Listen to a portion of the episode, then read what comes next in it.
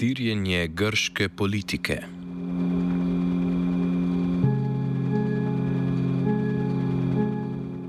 Po več grških mestih četrti dan potekajo protesti proti vladi zaradi železniške nesreče v občini Tempi pri Larisi. Okrog 15 tisoč ljudi je včeraj protestiralo v Atenah. Policija jih je skušala razgnati tudi z uporabo sozivca. Umrl je en protestnik.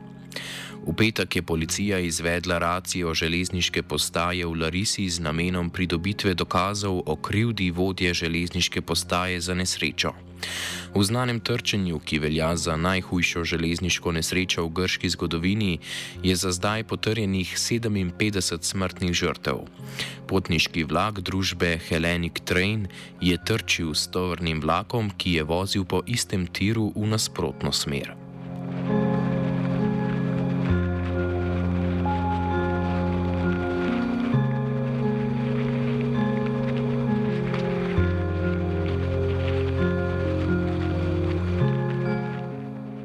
Grška vlada pod vodstvom Kirijakosa Micotakisa zatrjuje, da je do nesreče prišlo zaradi človeške napake in za njo obtožujejo vodjo železniške postaje v Larisi.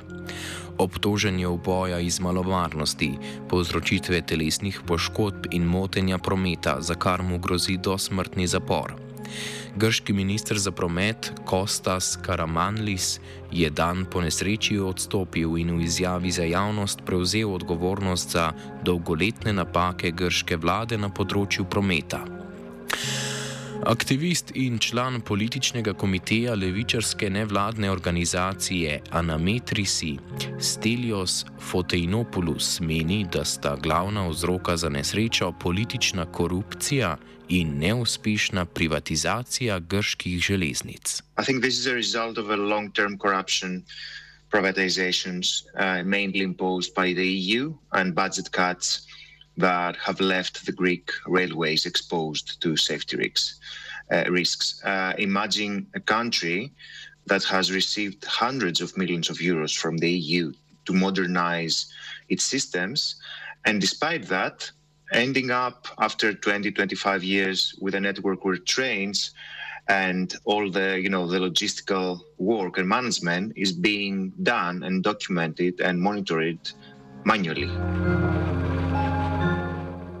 Fotenopoulos, Fotenopoulos opozarja, da je grška država prejela posodobljene varnostne sisteme za železnice, a jih ni nikoli namestila. According to the Hellenic Train uh, Union, the railway network is being run the same way it was in the 1950s and the 1960s, uh, which is manually. And that leaves the whole system exposed. Uh, now, what, why is that the case? Uh, well, according to reports, there, you know, there are a number of reasons. First of all, is the government mishandling. According to mainstream media, the Greek government supplied safety systems and softwares in 2000 uh, ahead of the 2004 Olympics. But unfortunately, none of these systems were ever uh, was ever set up and worked. There are accusations by the railway unions that most of this equipment, until today, is being abandoned in piles of dust in warehouses somewhere outside Athens. Uh, even some uh, people like the former president of the union uh, affiliated with OSE, OSE is the state run Greek railway company, uh, even he has said that more than 15 billion euros have been thrown into this process since the late 90s, and still there is no substantial progress uh, made. Grški izhod iz finančne krize pred dobrim desetletjem je znamenito vodila trojka Evropske komisije, Evropske centralne banke in Mednarodnega denarnega sklada. V okviru ukrepov, ki jih je trojka od Grčije zahtevala, so privatizirali upravitelja grških železnic, Train OSE, danes Hellenic Train. Podjetje je namreč delovalo z veliko izgubo, Grčija pa bi morala Evropski komisiji vrniti več kot 700 milijonov evrov pomoči, če podjetja ne bi prodala. Leta 2017 so ga tako za 45 milijonov evrov prodali italijanski družbi Ferrovie dello Stato. Kot del dogovora o bailoutu med Trojko in grško vlado mora ta letno prispevati 50 milijonov evrov za vzdrževanje grških železnic. Privatizacijo grških železnic v okviru dogovora med Grčijo in Trojko podrobneje predstavi Foteinopulos. The train provider, which was linked to OSE, was privatized under a fast track parliamentary process by the Syriza government back in 2016. Uh, this was part of the bailout agreement imposed at the time but by the EU and uh, Troika. So Train OSE, which was the service provided linked to the railways, uh, later uh, changed uh, its name to Hellenic Train, and it was acquired by the Italian state company for railways, Ferrovie dello Stato Italiane. That's the full name. And the price for that was 45 million euros. You can imagine, you don't have to be a financial analyst to understand that this was a sellout for peanuts. Uh, on top of that, the Greek government and the Greek state as part of the agreement, had agreed to supply, to provide 15, 50, 50, 50 million euros annually to the Italian company as a contribution. um, I think the key thing here uh, is that by taking away the train and services, which includes the tickets, obviously, and this is the only profitable part of the railways. You know, you know, the, the train, the service provider, the railway company, the public railway company. Uh, that you know owns and maintains and operates all railway infrastructure was left financially unsupported from you know one day to the next. Italijanski lastniki grških železnic so od prevzetja Train OSE napovedali okoli pol milijarde investicij v grško železniško infrastrukturo. V, o uresničitvi te napovedi nam je več povedal Kimon John Apostolakis, sekretar podmladka Sirize v mestu Hanija. There was, from what I know, the investments stopped at 2020, a year after the left government lost the elections. If you ask my private opinion, because I cannot talk on behalf of the Italian company or the government now, in my opinion, it's because the neoliberal government did not pressure the private company to invest.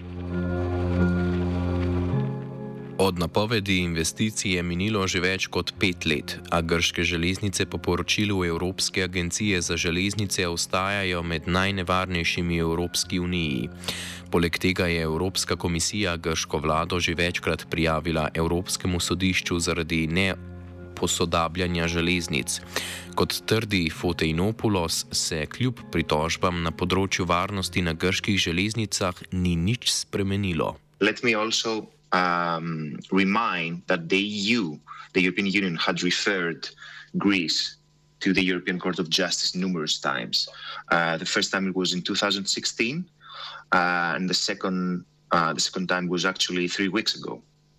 Um, because the you know because the Greek state uh, didn't implement the the railway uh, minimum uh, safety standards, and the EU, actually the European Commission, had to refer uh, the Greek government, the Greek state, to the European Court of Justice. Uh, still, nothing happened on that front. Nothing has happened.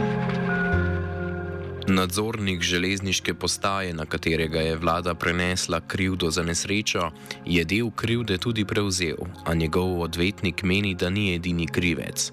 Sodelavci obtoženega so povedali, da mu je manjkalo izkušenj, saj je bil na delovnem mestu šele dva meseca in opozarjajo, da v tako zahtevni izmeni ne bi smel delati sam. Predsednik organizacije grških železnic, državnega podjetja, ki upravlja železniško infrastrukturo, Spiridon Pateras, je zatrdil, da njihova pravila nikjer ne določajo, kakšne izkušnje bi nadzornik moral imeti, temveč takoj po koncu urjenja lahko prevzame svoje dolžnosti. Apostolaki so pozorili, da so bile še nekaj let nazaj razmere drugačne. The conservative government, the neoliberal government, continued further the privatization and left the network with less workforce, like from 1,200 roughly workers in 2019, the workforce fell to around 650. So we're talking about mass understaffing. In 2019, uh, in each train station, there were like two station masters. Now there's only one. So that means where the, um, the network is operating manually, if that one station master like faints, has a seizure, has a heart attack, what's going to happen? So that is the big question. Why did they not continue the upgrade of the network so it can be a remote control? Fotenopoulos opozarja še, da so grške železnice zapolnile samo tretjino celotnega kadra. A shocking number you may be interested in, you know, hearing about is the number of people the Greek railways uh, are required by the law to have. This number is 2,100 employees. 2,100 employees. Today, according to the statements made both by the union and the management of the organization, only 750 of them are covered, which takes us to an operational capacity of one third. So, Greek railways for the past years are working on only one third of its uh, international capacity, which is, you know, it's, it's, it's a scandal. Sodobne železnice, sodobne železnice nadzorujejo računalniški sistemi, ki usmerjajo vlake in skrbijo za varnost prog. Takšen sistem obstaja tudi na progi Atene-Solun, a je na dan nesreče prišlo do napake. Nadzornik na postaji Palajo Palajo Forzalos je napako opazil in zato vlak zaradi varnosti preusmeril na drug tir, a ga nadzornik Larisi ni vrnil na izvorno progo, zato je prišlo do nesreče. Predsednik grškega sindikata železniških delavcev Kostas Genidunjas je povedal, da bi se vlaka v primeru delujočih sistemov avtomatično ustavila na razdalji vsaj 500 metrov.